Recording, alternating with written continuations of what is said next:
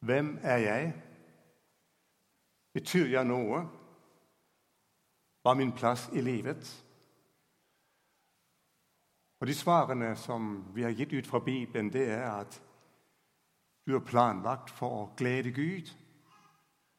Du ble skapt for å bli lik Kristus. Du ble dannet for å leve i Guds familie. Og Det vi holder på med akkurat nå, det er at du er skapt for å tjene.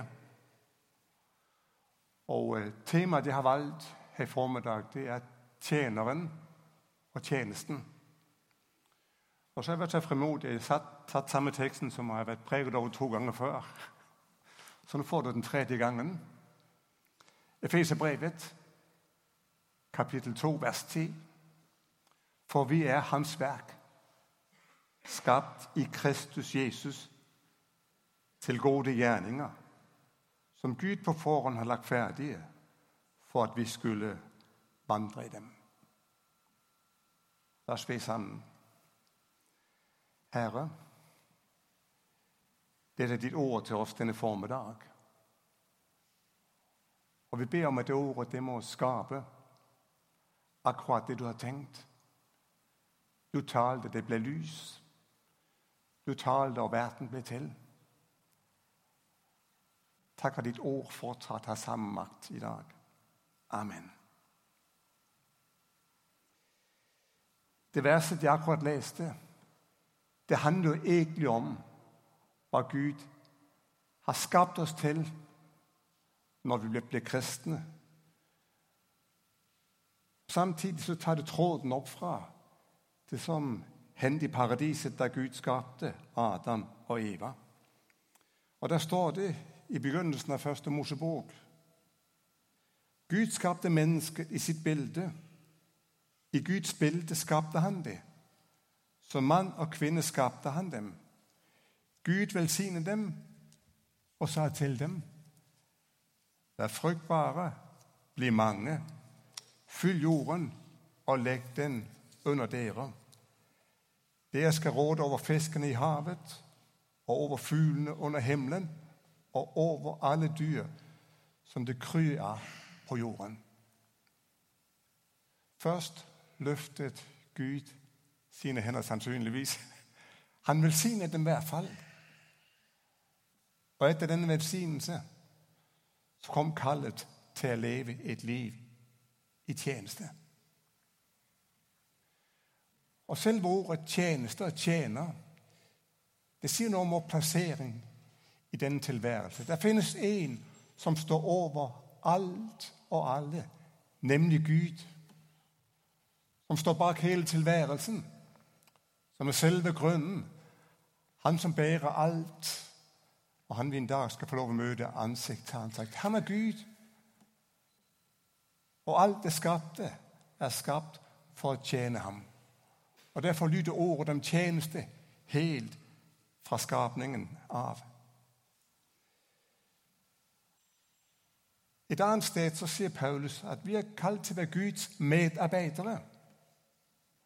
Og Det er jo et fantastisk uttrykk som, som sier noe om det privilegium vi har som mennesker.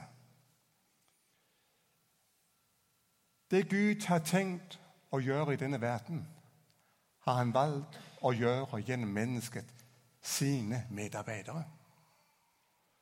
Du er altså kalt til å realisere Guds vilje i denne verden. Kalt til å gjøre Guds vilje til en virkelighet. Hvilket privilegium! Gud valgte oss til dette. Han kunne ha sendt englene, han kunne ha gjort det hele selv. Men han valgte å kalle deg inn og si jeg ønsker å bruke deg til å gjøre min vilje virkelig i denne verden. Og Det gjelder i forhold til Gud, i forhold til oss selv, i forhold til andre mennesker, i forhold til alle andre skapninger, i forhold til naturen, har Gud tenkt at hans gode vilje skal realiseres gjennom deg og gjennom meg. Jeg får si igjen hvilket privilegium. Han kaller oss inn og ønsker at vi skal være med. Og derfor er livet mer enn meg selv.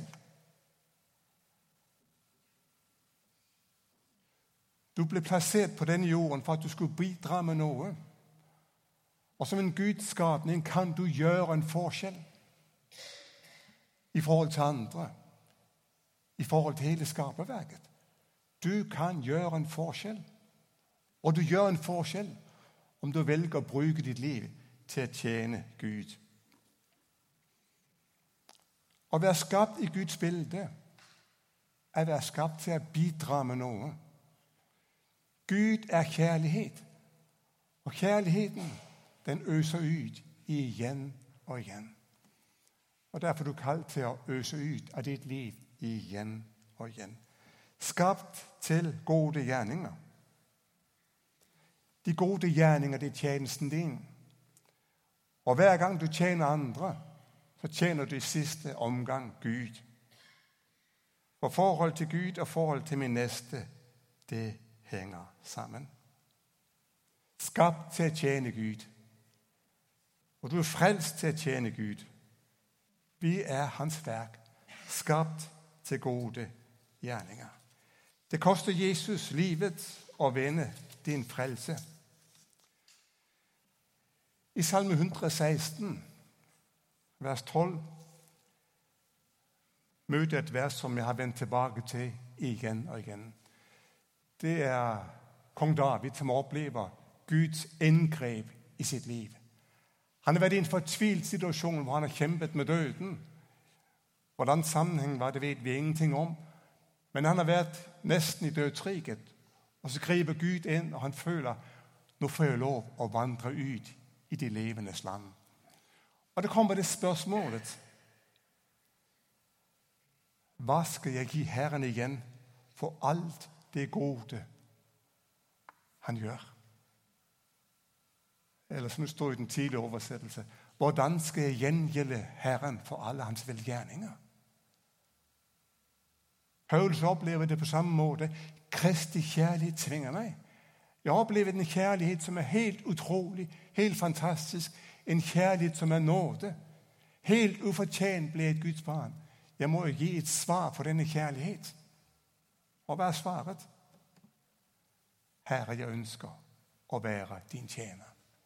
Jeg ønsker å leve din gode vilje ut i denne verden. Da får du en tjeneste i forhold til menighet. Og du får en tjeneste i forhold til de som ennå ikke kjenner ham. Og I forhold til menigheten så blir ditt oppdrag å være med å bygge opp, så vi i fellesskap kan ære Gud, så vi i fellesskap kan tjene ham, så vi i fellesskap kan nå den verden som ikke kjenner ham ennå. Frelst for å tjene. Herre, hvordan skal jeg si deg takk? Leve et liv i tjeneste. Det tredje jeg kan si, det er at du er kalt til tjeneste. 2. Timoteus 1,19. Han har frelst oss og kalt oss med et hellig kall, ikke på grunn av våre gjerninger, men etter sin egen vilje og nåde, som er gitt oss i Kristus Jesus fra evighet av. Ordet 'kall' ligger liksom og svever veldig høyt her oppe. Skal du være misjonær, så må du ha et kall. Et veldig sterkt kall. ikke sant? Skal du være pastor, så må du ha et kall som kanskje ligger litt lenger nede, for det er tross alt hjemme i trakter. Men det er et kall fra Gud.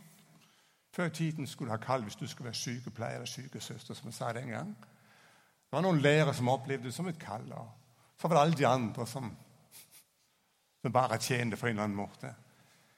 Men skal du høre alle er vi kalt til tjeneste. Jeg har ikke noe større og viktigere kall enn du har. Jeg har ikke det.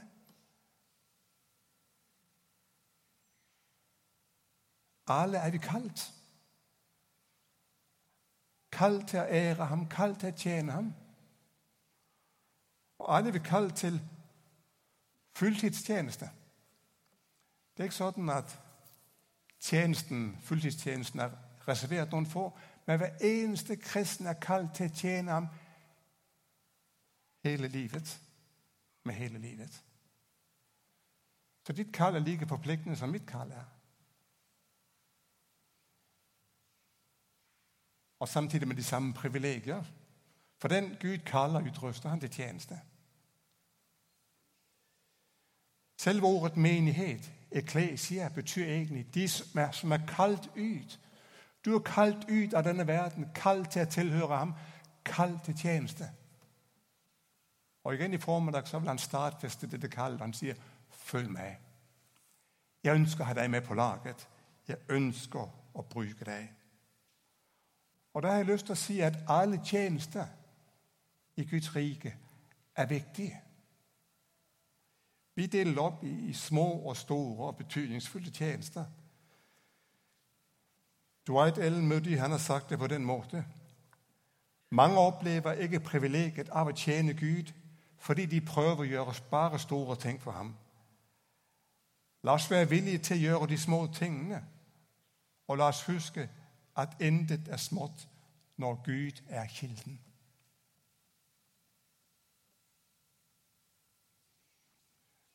Og For å fullføre kallet så trenger vi hverandre. Jeg trenger din tjeneste, du trenger min tjeneste, du trenger de andres tjeneste. For vi er et lag, vi er et team, vi er en kropp. Vi er et tempel med forskjellige søyler. Vi er et folk. Og sammen er vi satt inn i denne tjeneste med å gjøre Jesus levende, både for hverandre og for denne verden. Og igjen, det, er et privilegium. Det er et privilegium at han ønsker å bruke oss. Jeg har sagt det før, jeg skal si det. Jeg kommer sikkert til å si det igjen. Jeg hadde en drøm om å komme på det danske landslaget i fotball. Men... Eh. Og Derfor begynte jeg å spille fotball da jeg var seks-sju år. Eh, det første året da var det ikke, Det var bare én kamp, og det var i tredje reserve. Så jeg satt og så på. Og det meste av kampen stod bak motstandernes mål og så på, på, på keeperen der. Neste år så kom jeg på B-laget. Det var tross alt den gang der toppet man laget hele tiden. Det var liksom ikke sånn det her sosialdemokratiske fotball vi har nå. Så da var jeg på B-laget, og jeg, der gikk det jo ganske bra. Vi tapte alle kampene.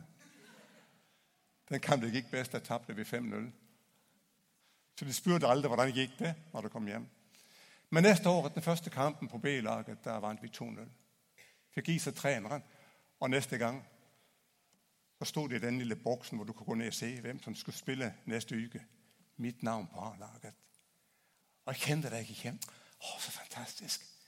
Jeg er tatt ut til det beste laget. Skulle spille det man kalte venstre back den gang. Der. Det er en av de store dager i livet, for jeg var valgt ut til å være med på det beste laget. Jeg kjenner fornemmelsen fortsatt. Husker hvilken måned det var, hvilket år det var, men det skal jeg ikke si. Hør. Han har kalt deg til å være med på A-laget. Han ønsker virkelig du skal være med. Han har bruk for deg. Han ønsker å bruke deg i sin tjeneste. Hvilket privilegium! Ser du noe av det? Tjenesten det er selve kjernen i kristenlivet. Jesus kom for å tjene og gi sitt liv som løsepenger for mange. Åndelig modenhet det viser seg i tjeneste for Jesus Kristus. Tjeneste det er det motsatte av vår naturlige tilbøyelighet. Vi er mer interessert i å bli betjent enn selv å tjene. Vi er mer interessert i å få dekket behov enn å dekke behov. Men han kaller oss til noe radikalt annet i denne verden. Å være med og virkeliggjøre hans vilje.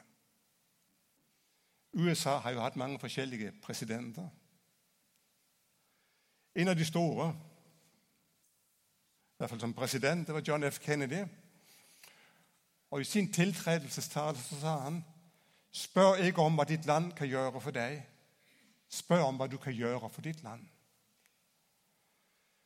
Og Vi kan snu litt på det her i formiddag. Spør ikke om hva menigheten kan gjøre for deg. Spør om hva du kan gjøre for menigheten, og hva du kan gjøre i menigheten, og hva du kan gjøre med menigheten.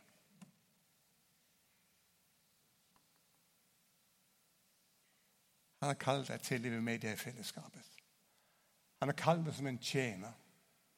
Og Jesus selv kom i en tjenerskikkelse. Derfor menigheten, hans kropp, en tjenerskikkelse i denne verden. Og så er det ved å tjene du egentlig finner din identitet. Jakobs brev, det første kapitlet, vers 23. Den som hører ordet, men ikke gjør som ordet sier, ligner en mann som ser på ansiktet i sitt speil. Han ser på det og går sin vei og glemmer straks hvordan han så ut. Speil er noe spennende. Og det spennende å betrakte folk som speiler seg litt en gang iblant. Noen ganger er de skjult, og noen ganger de går forbi et vindu. Det er alltid spennende å se reaksjonen. Speilet brukes til forskjellige ting, til å redde litt på, på, det her. Men også til å finne ut av hvem er jeg egentlig hvordan ser jeg ut?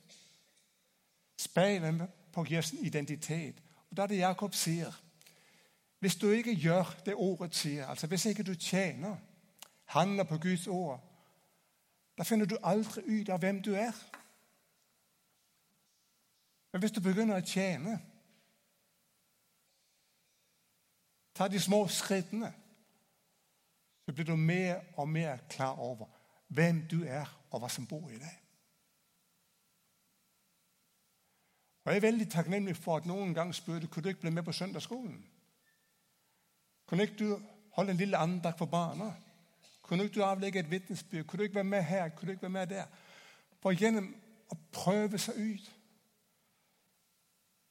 så begynte et bilde å avtegne seg. Det er meg, det her, Gud. Jeg har de evner, jeg har de gaver.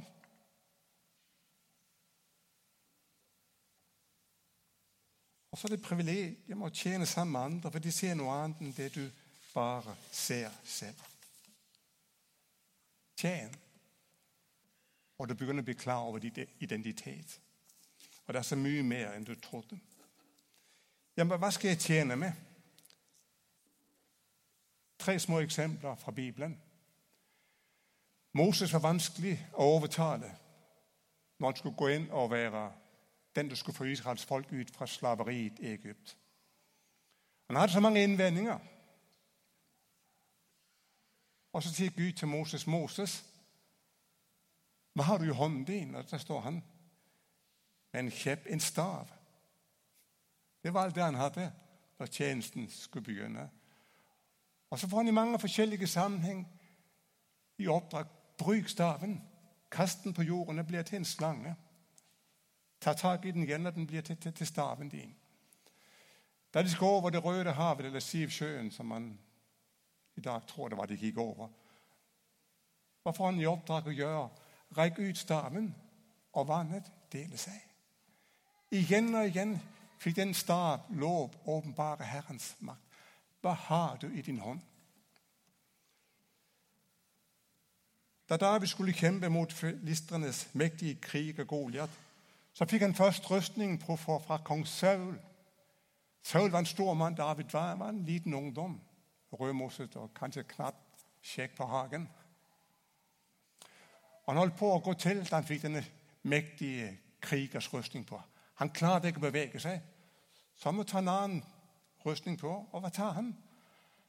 Han tar det redskap han pleide å bruke når han gikk ut og skulle kjempe mot de ville dyrene. Han tok en slynge og et par små stein. Han brukte det han hadde. Og Når Jesus skal bespise disse 5000 menn foruten kvinner og barn, hva tar han da? Da tar han nisten til en lille gutt med de få fisk og de få brød. Han tar det i sine hender og velsigner det. Han kunne jo bare knipset med hendene, og brødene kunne falt ned fra himmelen. Men han tok det de hadde i sine hender. Og det er slik han bruker oss i tjeneste. Hva har du i din hånd? Hva har du brukt? Hvem er du? Gud ønsker å bruke deg. Gud ønsker å bruke hele deg i sin tjeneste. Du er noe spesielt, du er unik. Og for å sitere Ole Paus Jeg skal ikke prøve å synge som han, men, men for å sitere han, så har han en tittel hvor han, hvor han synger 'Det er noe med deg'. Og det har jeg lyst til å si. Det er noe med deg, du. Du er spesiell. Du er unik. Ingen andre er som du. Du har fått dine evner. Jeg har fått mine.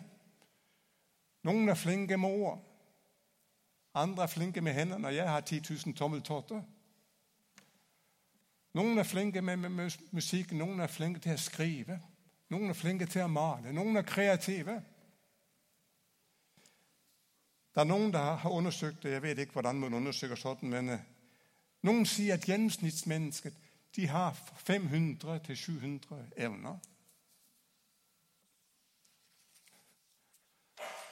Og alle disse evner de er gaver fra Gud. Hva har du som du ikke har fått, sier Paulus. Og hver eneste evne kan brukes i tjeneste for Gud til å ære ham. Der står om en kvinne, og det er Maria, som salver Jesu føtter rett før han skal gå til korset. Så står det i Markus 14,8, og det er en av de fineste setningene i Bibelen. Hun gjorde hva hun kunne. Hun gjorde hva hun kunne. Gud forventer ikke noe annet. Gjør det du kan med dine evner. Evnene innvier til Gud, og så velsigner Han. Du har en personlighet. Det er grunntungen i et menneske, karaktertrekkene vi bærer med oss fra fødselen av. Måten å tenke på, holdninger, væremåte. Noen av oss er innadvendte og må på en prekestol for å få sagt noe. Andre er utadvendte og øser ut hele tiden. Det er forskjellige temperamenter. Noen tenner på hva som helst, og så er vi andre som ikke tenner på noe som helst. Det er noen der, er styrt av viljen hele tiden. Noen er så rolige, noen er så stille. Men alle disse temperamenter kan Gud velsigne. Gud trengte en Peter der var lett antennelig på pinsedagen. Men når evangeliet skulle ut i den store verden, da må det Paulus til. For han hadde et annet temperament. En der kunne stå på uansett, som aldri ga seg. Ser du hvordan Gud velger ut fra oss, oss fra vår personlighet? Og igjen, der nå med deg. Du Bruk din personlighet. Du har din erfaring. Apropos det, så leste jeg eh, nå fra Johannes Møller av en dansk prest og forfatter. Det er noen som sier at eh, visdommen kommer med årene. Jeg har noen gang sett årene komme helt alene.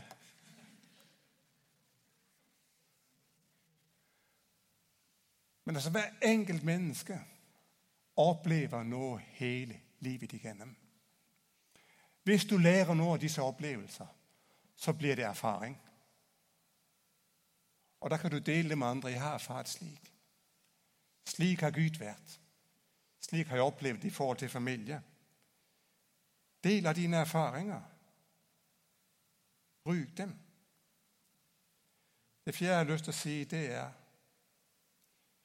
du kan tjene Gud med det du eier. I Lukas kapittel 8, vers 3 der står det at det var en del kvinner som fulgte med Jesus på vandringen rundt, både i Galilea og Judea.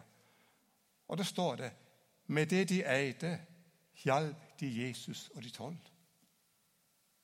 Med det de eide. Du kan tjene Gud med med dine midler, som vi oppfordrer til i formiddag. Du kan tjene Gud med ditt hjem. Vi la det være et åpent hjem hvor folk får lov å komme med sine liv. Du kan tjene Gud med din bil. Kjøre fra til gudstjeneste til andre steder. Du kan tjene Gud med din gitar, ikke sant? med ditt munnspill. Det finnes ingen begrensning med det du eier. Det kan du innvie til Gud, og det kan bli til velsignelse. Så fantastisk. Og sist, men ikke minst, og det skal vi komme tilbake til på menighetsweekenden i september måned Gud har gitt enhver kristen minst én nådegave. En åndelig utrustning. En Kristusgave som det går ut over det jeg har sagt her. Noen ganger så korresponderer det med de naturlige gaver, andre ganger så kan det gå helt på tvers av det du vanligvis er utrustet med.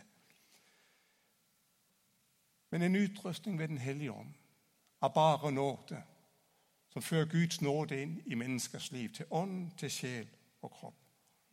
Det er ikke gaver du kan gjøre deg fortjent til, men det er gaver Gud har gitt og fortsatt gir. Gaver som bygger opp Guds menighet, så vi blir i stand til å tjene ham enda bedre i verden. Og du fikk din gave for at du skulle være til gagn for andre.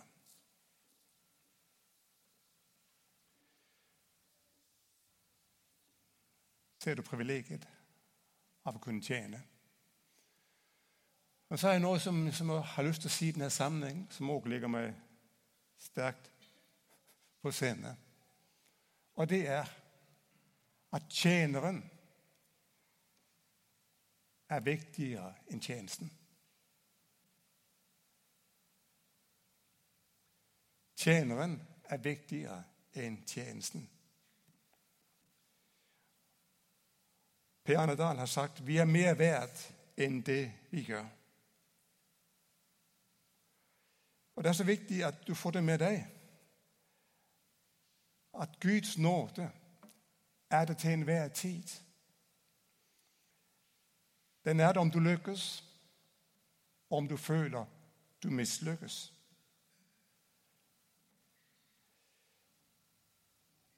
Hvil i Guds kjærlighet, og den setter deg fri til et liv i gode gjerninger.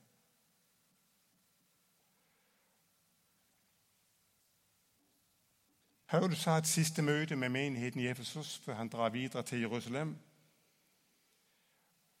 Og Da har han lyst til å si noe til, til lederskapet i menigheten der. Og Det står i Apostlenes gjerninger, kapittel 20, vers 28. Nå skal du høre hva det står. Ta vare på dere selv. Ta vare på dere selv og på hele den jord som Den hellige ånd har satt dere som tilsynsmenn for.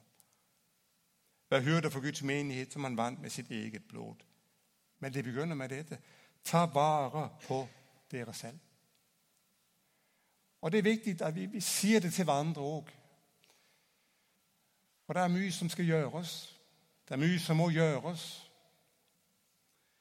Men det må være en sunn balanse mellom tjeneste og hvile, fornyelse og rekreasjon. Det må være en sunn balanse mellom å motta og mellom å gi. Og det er ikke ukristelig å si nei en gang iblant. Hørte du det? Det har jeg slitt med. Og Det er ikke ukristelig å ta en pause fra en aktivitet.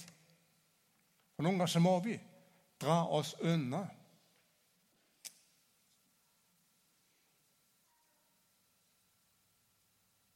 Det står 'tenk mindre på deg selv', men det står ikke 'tenk mindre om deg selv'.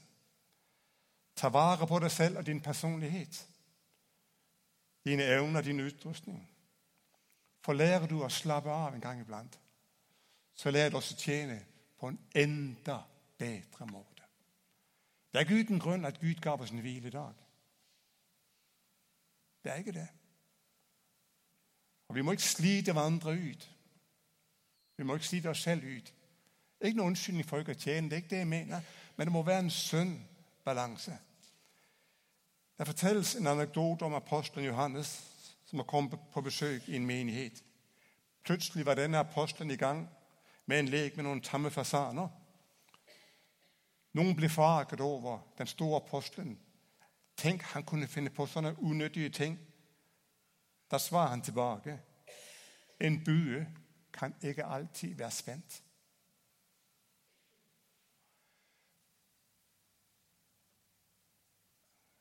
Frank Mangs var i begynnelsen av min tjeneste en stor inspirasjonskilde.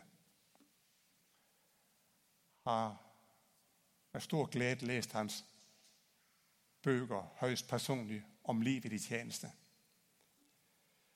Og Han har sagt noe som du, du bør ta med deg her i formiddag. Det er noen som tror vi bare kan be Gud velsigne det hele, at vi kan bruke Guds kraft uansett hvordan vi lever. Men han har sagt det på den måten Guds kraft er overnaturlig, men ikke unaturlig. Du kan ikke bare stå på 24 timer i døgnet og si 'Gud velsign meg', og så fortsette med 24 timer igjen 'Gud velsign meg'. Selv Jesus måtte sette seg ned og slappe av en gang iblant. Selv Jesus måtte dra seg unna for ånd, for sjel og kropp og for hvile for å kunne vende tilbake. Ta vare på deg selv. Ta også vare på de nære relasjonene, på familien din, hvis du har en familie. Egentlig så vårt første kall å være noe for familien.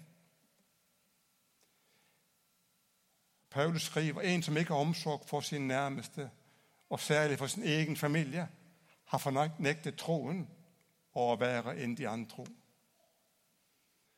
Og Da Jesus henger på korset, så sier han til Johannes og til moren Kvinne, det er da din sønn. Sier han til apostelen Johannes, det er din, mor. Ta det av henne. Denne omsorg for moren helt til det siste. Han var den eldste sønnen og hadde ansvaret. Men Johannes, nå får du ta vare på henne. Ta vare på dine nærmeste i den grad det er mulig.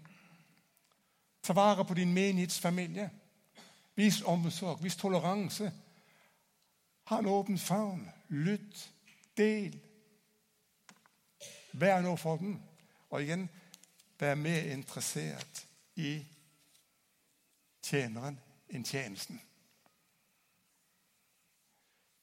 Jeg har tross alt vært med så mye i gamet at noen ganger har vi opplevd at man blir så fokusert på det som skal gjøres, at vi glemmer de som skal utføre tjenesten.